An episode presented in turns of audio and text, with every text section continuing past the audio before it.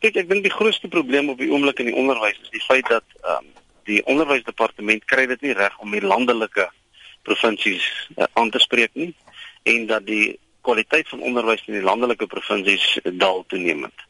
Na alle waarskynlikheid het dit tot 'n groot mate dat daardie provinsies geweldig verpolitiseer is en weet jy absoluut oorheers word uh, deur 'n bepaalde politieke party en ek dink dit is dis tekenend van van van 'n saak dat die onderwys erg verpolitiseer is. Die ander belangrike probleem wat 'n mens moet uitlig is dat veral in die laerskole is die standaard van onderwys hoegenaamd nie bevredigend nie. 'n Hoërskool kan maar so goed wees as wat hy wil wees.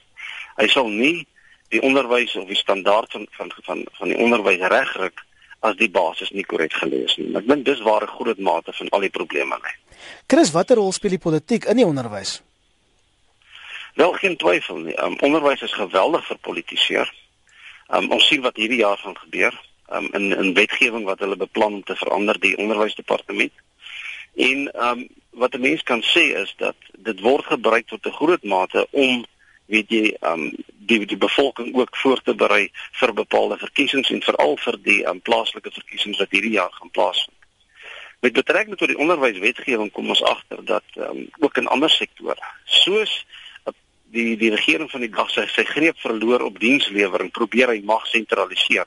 En dis presies wat hierdie jaar beplan word waar hulle die magte van beheerliggame wil erg aan bande lê. Hulle wil beheer neem oor die aanstellingsprosesse en dan in die proses pro probeer ons weer terug te vat na die onderwysmodel wat ons gehad het vir skole wat in 1976 geheers het. En ons weet almal waarheen dit gelei het. Um die twee prosesse wat hulle werklik wil beheer is die aanstelling van van onderwysers en veral bevorderingsposte. En weer eens in die landelike provinsies het daardie onderwysdepartemente hoegenaamd nie die vermoë om aanstellingsprosesse te kan hanteer nie. Kom ek gee vir jou 'n voorbeeld. In Limpopo is daar die afgelope 20 jaar nog nooit 'n posvlak 1 vakaturelys gepubliseer nie. Hulle moet daai prosesse van aanstellings afhandel in 'n periode van 2 na 3 maande. Hulle kry dit nie reg in 'n jaar se tyd nie. Nou wil hulle daai hele proses beheer en dieselfde gaan gebeur in KwaZulu-Natal en die Oos-Kaap en ons voorspel 'n groot groot probleem. En dan die goed, ander belangrike ding is hulle wil alle skole hanteer op die sogenaamde one size fits all benadering. En jy kan nie gesofistikeerde skole op dieselfde basis wil hanteer as 'n skool wat hoegenaamd nie die vermoë besit of oor beskik om homself te kan bestuur nie. Chris, dit klink my ons weet wat fout is, maar wat is die oplossings? Wel, ek dink in die eerste plek die die onderwysdepartement moet besef dat die skoolbestuursmodelle wat ons het, uh, moet moet anders gehanteer word en dat skole wat oor die autonomie kan beskik om hulle self te kan bestuur moet baie daai autonomie gegee word. Daar moet sterker beheer geneem word van skole wat onderpresteer of disfunksioneel is. En ons weet uh, in in ingeligte kringe praat hulle van enigiets van van omtrent 75 na 90% van skole wat onderpresteer. En ek dink dit is een van die aspekte wat aangespreek moet word en dan die ander belangrike aspek is.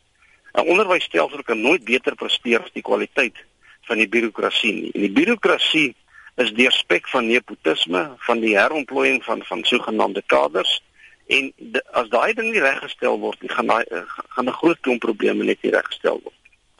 As jy die onderwys aljaar was vir KwaZulu-Natal en Popo in die Oos-Kaap, wat sou jy daar onmiddellik doen? Wat ek sal doen is dis onmiddellik seker maak dat my onderwysbureaukrasie op standaard is. Ek sal seker maak dat my administratiewe stelsels korrek is en dan sal ek baie sterk begin fokus op onderwysbestuur in op skoolvlak. Um 'n skool se prestasie word direk gereflekteer deur die kwaliteit van die skoolbestuur. Dit wil sê die skoolhoof, die adjunkhoof en dan natuurlik ook die um die departementshoofde. As jy daai goed eers reg kry, dan kan jy begin baie sterk fokus op dit wat in die klaskamer plaasvind. Maar soos ons almal weet, 'n vis begin vrot van sy kop af En as jy die kop nie reg kry nie, gaan jy nie ondertoe die saak reggestel kry. En dan natuurlik, ek dink dit is implisiet dat die kwaliteit van onderwysers um, en ek ek wil nie veralgemeen nie, maar 'n groot persentasie van onderwysers se vakkennis is doodgewoon net nie op standaard